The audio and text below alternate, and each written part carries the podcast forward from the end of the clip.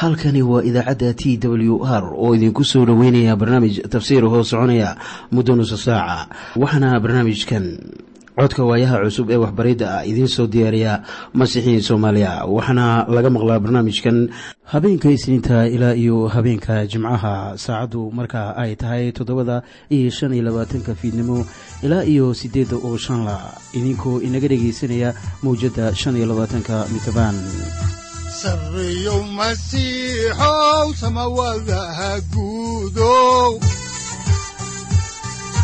siraadkii adduunkow subanaha eebow sareyow masiixow samawadaha guudow siraadkii adduunkow subanaha adigoo samaada jiro ifkaan soo saldhiganba waxaannu horay u sii ambaqaadi doonnaa daraasaadkii aynu ka soo xiganaynay kitaabka bilowgii ee loogu magacdaray baibalka dhammaantii. Waxaannu caawa halkii ka sii wadi doonnaa cutubka afartan iyo lixaad ee aan idinku soo bilownay cashirkii kan inooga horreeyey. Waxaana mawduucyadiisu ay ka kooban yihiin kow yacquub iyo qoyskiisii oo u guuray dalka masar. Labo yacquub iyo yuusuf oo midoobay.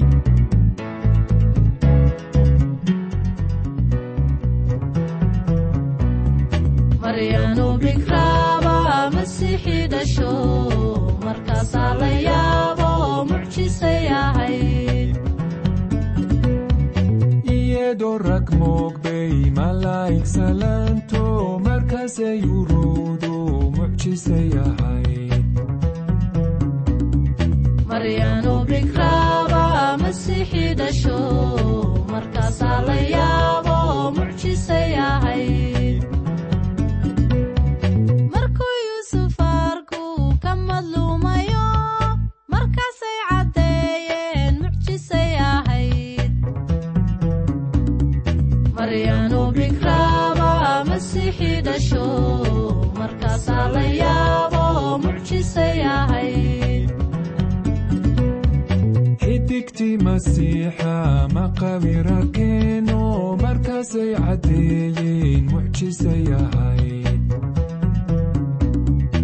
maryanu bikraaba masiixi dhasho markaasaa la yaabo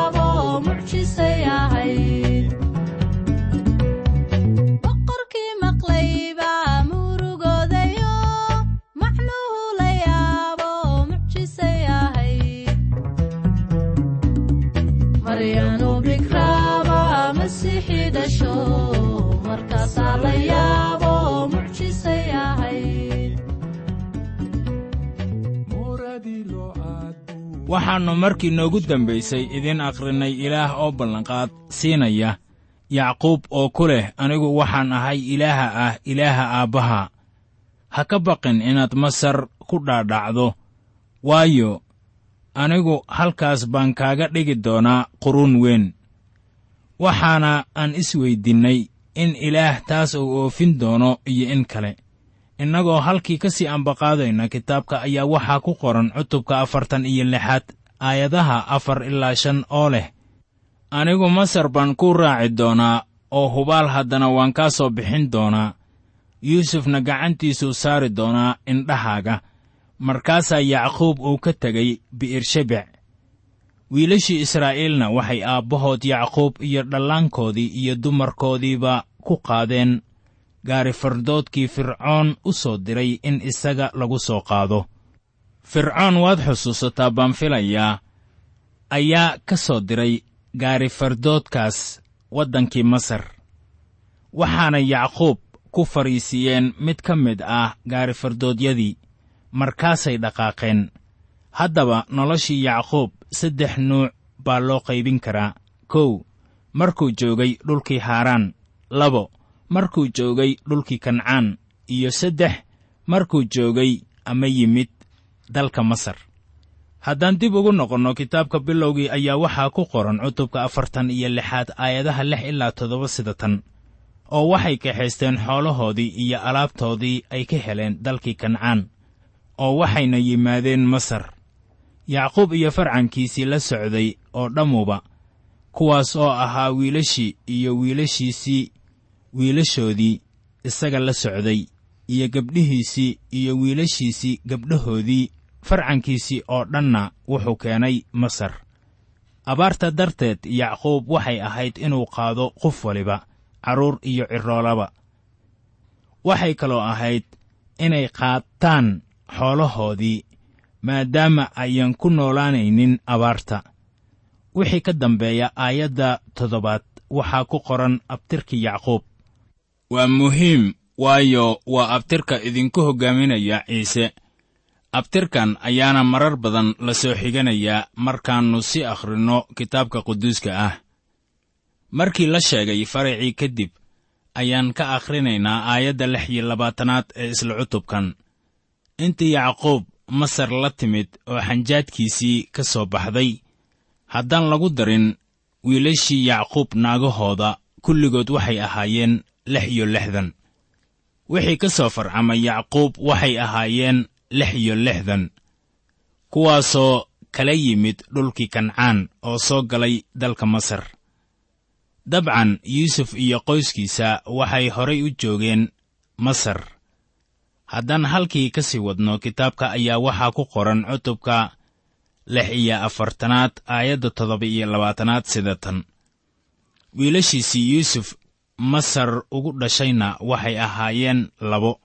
Reerkii yacquub dadkiisii masar yimid oo dhammu waxay ahaayeen toddobaatan. Haddaan kitaabka dib ugu noqonno oo aan eegno bilowgii cutubka afartan iyo lixaad aayadda siddeed iyo labaatanaad ayaa waxaa qoran markaasuu wuxuu iska hormariyey yuhuuddah inuu yuusuf u tago si uu u tuso jidka loo maro goshen oo waxay yimaadeen dalkii goshen. Iminkana aynu eegno maaddada ah yacquub iyo yuusuf oo is arkaya. War maxay taasu noqonaysaa sawir la yaab leh? Waa marka yuusuf iyo yacquub ay is arkayaane. Haddaan halkaasi ka sii wadno qisada ayaa waxaa ku qoran cutubka afartan iyo lixaad aayadda sagaal iyo labaatanaad sida tan. Yuusufna wuxuu diyaarsaday gaari faraskiisii oo aabbihiis israa'iil ayuu kaga hortegay goshen oo markuu isagii arkay ayuu qoortiisii dhab yidhi. Qoortiisana wuxuu ku dul ooynayey wakhti dheer. Wuxuu ku dhegay qoortii aabbihiis intuu isku maray. Ayuu ku ooyey hadalladii ilaah waxay leeyihiin wakhti dheer buu ku dul ooynayey haddaba garan maayo ilaa iyo imisa ayaa laga wadaa wakhti dheer haddaba taas loolama jeedo inay isa salaameen oo ay kala tageen. Isu soo hilowgu waa mid xaqiiqo ah. War muxuu kulankani wanaagsanaa? Haddaan halkii ka sii wadno kitaabka ayaa waxaa ku qoran cutubka afartan iyo lixaad aayadda soddonaad sida tan. Israa'iilna wuxuu yuusuf ku yidhi haddaba aan iska dhinto mar haddaan arkay wejigaaga oo aad weli nooshahay waxaannu arki doonnaa in ilaah uu siiyey xoogaa cimri ah oo uu haddana dhulkan masar kula noolaado wiilkiisa yuusuf. Oo yuusuf oo israa'iilna sannadahaas way wada jireen. Waxaad haddaba ogaataa in yacquub uu yahay mid ka mid ah carruurtii ilaah ee ku nool rumaysad. Markaana waxaa loogu yeedhay magiciisii israa'iil. Haddaan halkii ka sii wadno ayaa waxaa ku qoran aayadaha kow iyo soddon ilaa afar iyo soddon ee cutubka afartan iyo lixaad sida tan yuusufna wuxuu walaalihiis iyo reerkii aabbihiis ku yidhi waan tegi oo fircoon baan u sheegi oo waxaan ku odhan walaalahay iyo reerkii aabbahay oo joogi jiray dalka kancaan ayaa ii yimid. Nimankaasuna waa arijiro waayo waxay ahaan jireen lo'ley waxayna la yimaadeen arigoodii iyo lo'doodii iyo waxay haysteen oo dhan markii fircoon uu idin yeedho uu idinku yidhaahdo shuqulkiinnu waa maxay? Waxaad ku tidhaahdaan annagoo addoommadaada ah waxaannu tan iyo yaraantayadii ahaan jirnay lo'ley. Annaga iyo awowayaashayba si aad u degtaan dalka goshen waayo arijir waliba waa u karaahiyo masriyiinta. Waa wax xiise leh in hadallada ilaah ay wax badan ka leeyihiin xoolojirrada dadkaasu waxay ahaayeen arijirro idahooda daajiya oo welibana sidaas ayay weli ka sameeyaan dalka israa'iil. Kelmadda arijire ayaa lagu macneeyaa sayidkeenna isaguna waa arijirka wanaagsan oo noloshiisa u bixiya idaha. Waa arijirka ugu weyn arijirrada kaasoo ilaaliya ariga maanta waa madaxa arijirrada oo aan haatan mar kale soo muuqan. Wuxuuna isagu isagu yeedhaa arijiraha. Saaxib isagu dunida karaahiyo buu u yahay. Dunidana laguma aqbalin. Waxaan ka hadlayaa ciisaha dhabta ah. Nimanka masiixiyiinta ah ee furfuran ayaa waxay soo bandhigeen ciisaha la aqbali karo waxayna nimankaasu ku masaaleen ciise sida sanam kaasoo aan weliba shaabihin ciisaha baibalka. Kan ay ka hadlaan ma ahan mid bikrad ka dhashay mana ahan mid mucjisooyin samayn jiray umana dhimanin dembiyada dadka oo jir ahaanna dhimashadii lagama sara kicinin. Ciisaha ay sheegayaan maba jirin haddaba ciisaha caynkaas ah ma qorna. Waxaannu iminka soo gaarnay cutubka afartan iyo toddobaad. Cutubkanu wuxuu ka mid yahay kuwa ugu dambeeya ee kitaabka bilowgii. Haddii aynu eegno mawduucyada uu ka kooban yahay ayaa waxay kala yihiin kow. Yuusuf oo horgeeyey walaalihiis iyo aabbihiis fircoon. Labo yuusuf oo aabbihiis ka ballanqaaday in dhulkii kancaan lagu aaso. Iminkase aynu eegno maaddada ugu horraysa ee ah yuusuf oo hor keenay aabbihiis iyo walaalihiis fircoon. Haddaan idiin bilowno xigashada kitaabka ayaa waxaa ku qoran cutubka afartan iyo toddobaad aayadda koowaad sida tan.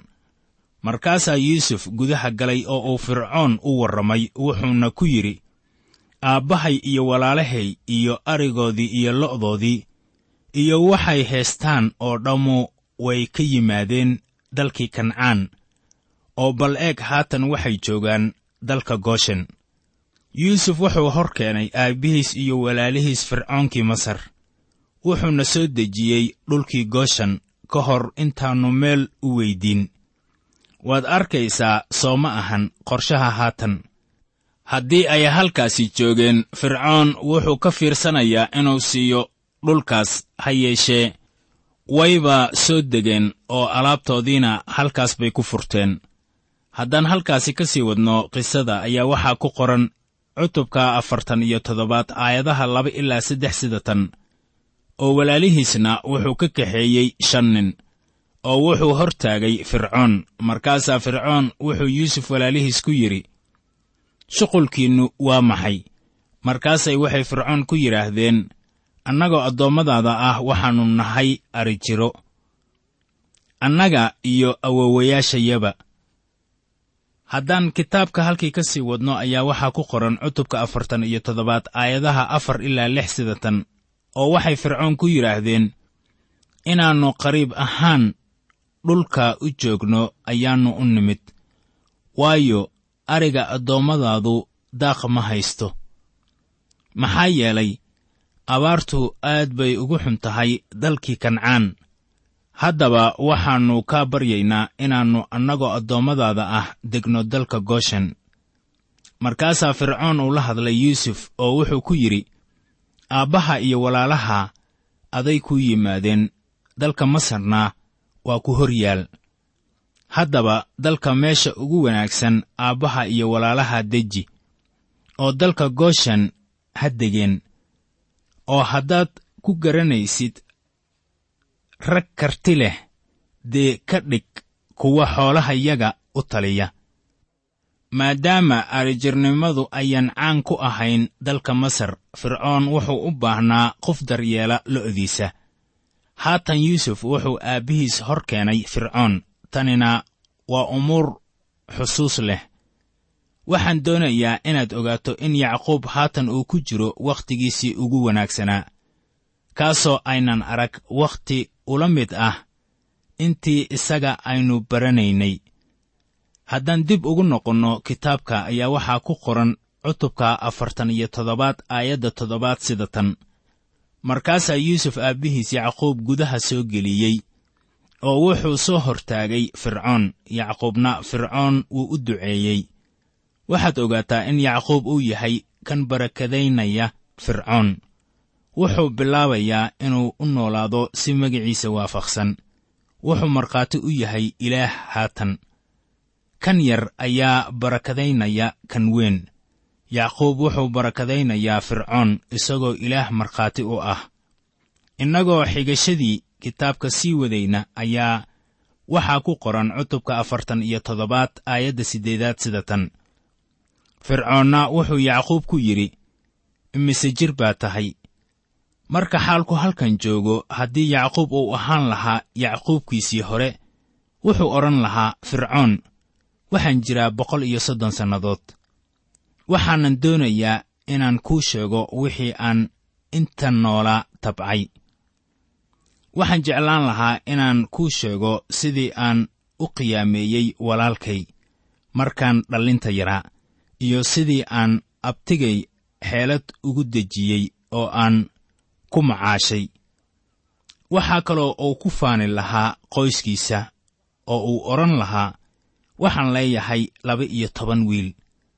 Hadalladaas buu ku hadli lahaa laakiin yacquub haatan waa nin dabeecaddiisii hore ay isbeddeshay dhegayso waxa uu leeyahay.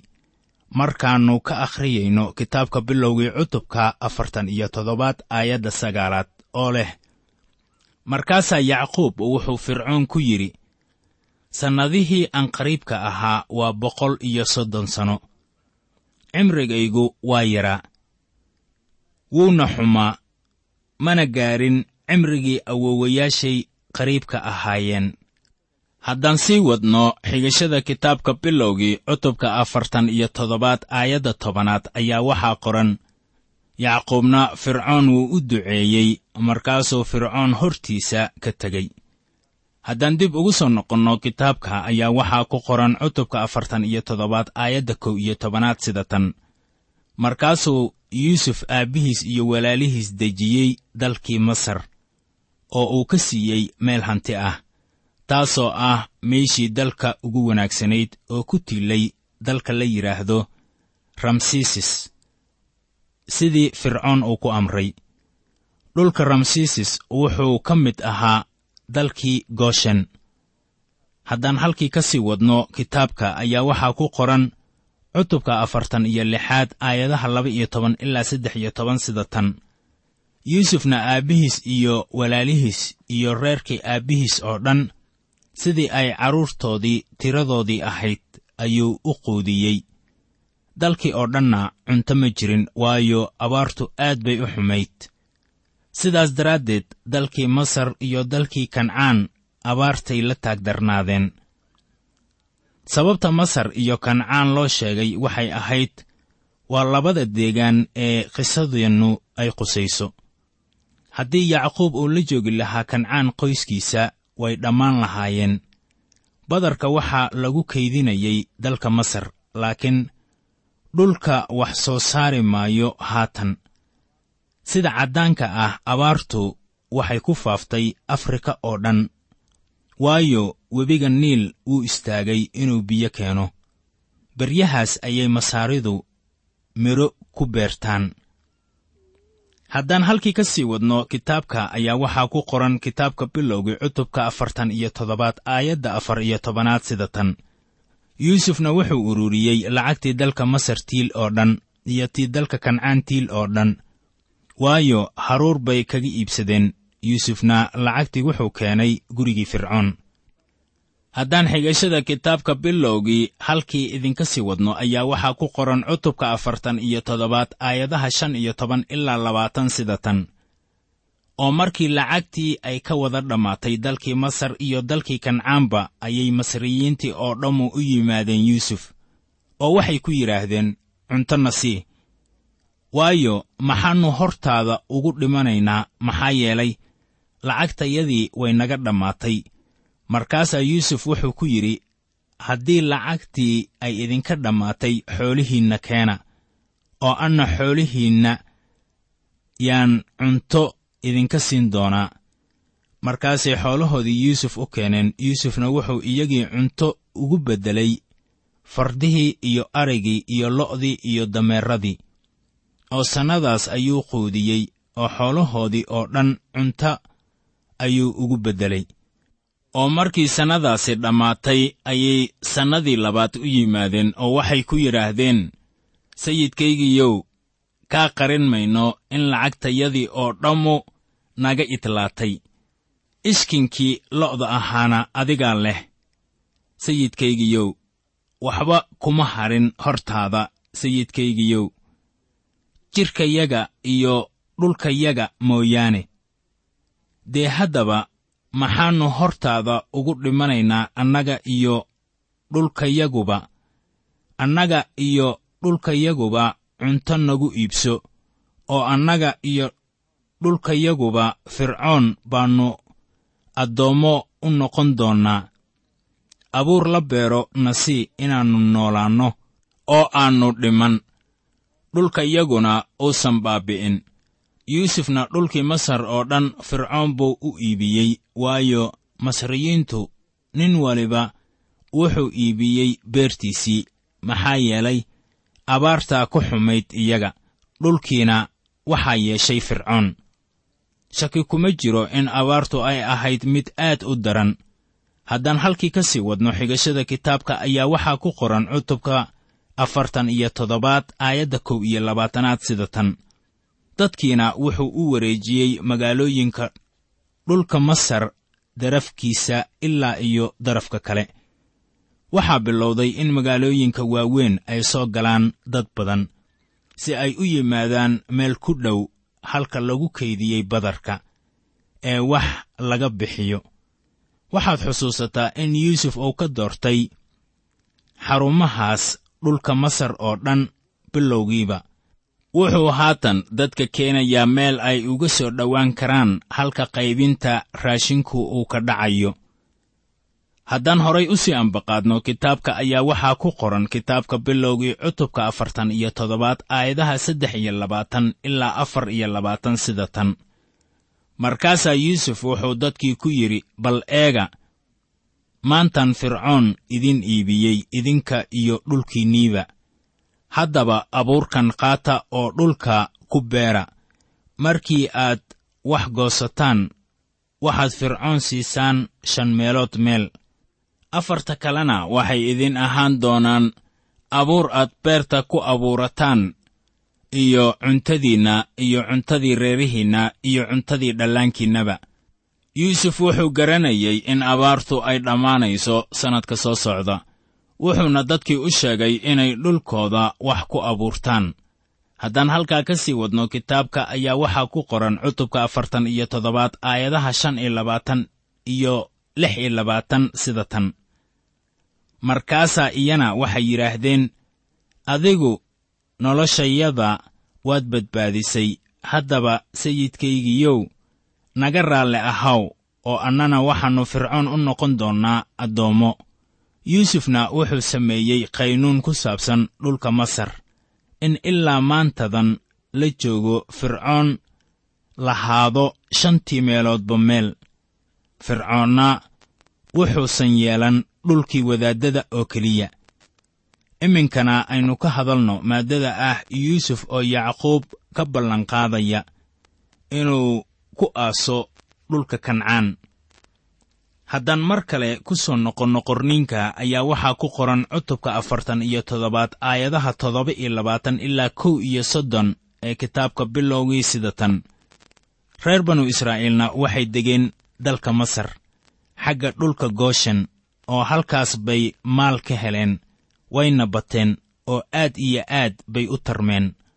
Yacquubna wuxuu dalka masar ku noolaa toddoba iyo toban sannadood oo yacquub cimrigiisu wuxuu ahaa boqol iyo toddoba iyo afartan sannadood. Wakhtigii israa'iil dhiman lahaana waa soo dhowaaday markaasuu wiilkiisii yuusuf u yeedhay oo wuxuu ku yidhi haddaba haddii aad raalli iga tahay waan ku baryayaaye gacantaada bowdadayda hoosgeli oo si raxmad leh oo daacad ah igula macaamilo.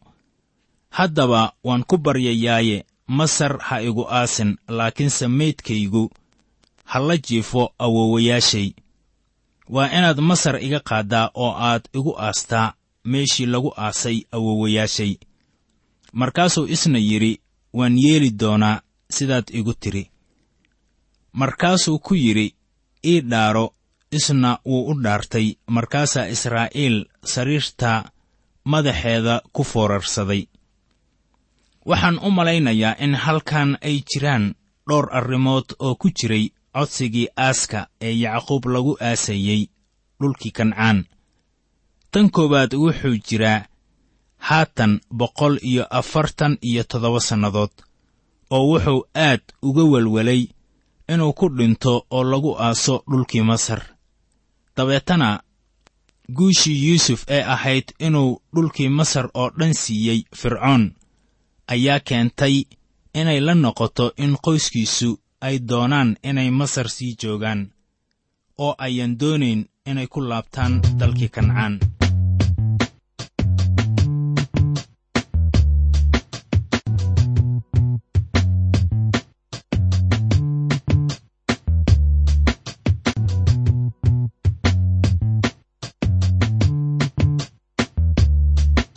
bashiirow masiixii kii loo bogaan barakaysanayna boqorkeenna weyn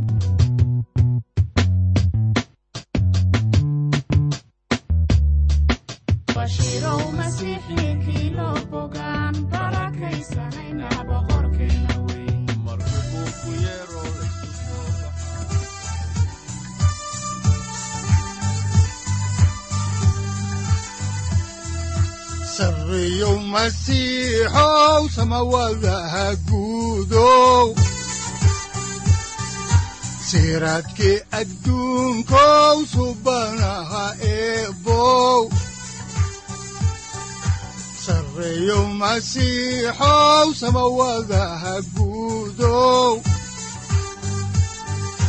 siraadkii adduunkow subanaha eebow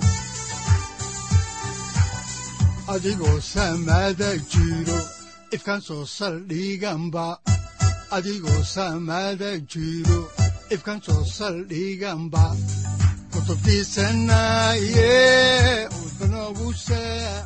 halkani waa t w r idaacadda t w r oo idinku leh ilaa ha idin barakeeyo oo ha idinku anfaco wixii aad caawi ka maqasheen barnaamijka. Waxaa barnaamijkan oo kalaa aad ka maqli doontaan habeen dambe hadahan oo kale haddiise aad doonaysaan in aad fikirkiina ka dhiibataan wixii aad caawi maqasheen ayaad nagala soo xiriiri kartaan som t w r at t w r c o k e waxaad kaloo iimailada inoogu soo diri kartaan dhegaystayaal cinwaanka yahu-ga oo ah somali t w r at yahu com aaduu u fududyahayaa somali t w r at yahu com. Waxaa kaloo aan idin siin doonaa website. Aad ka maqashaan barnaamijyada soomaaliga ah si kuwiina doonaya in ay koorasyo ka qaataan bibalka ay ugu suurowdo ama ugu hirgasho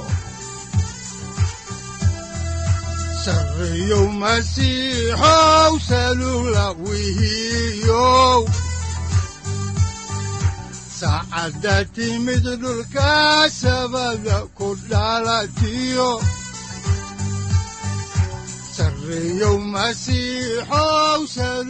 halkani waa t w r oo idiin rajaynaya habeen baraare iyo barwaaqaba leh inta aynu ka gaari doono wakhti aynu ku kulanno barnaamij la mida kan caawayay aad maqasheen waxa aan idinku leeyahay nabadda ciise masiix ha idinku badato xagga jidhka iyo ruuxaba aamiin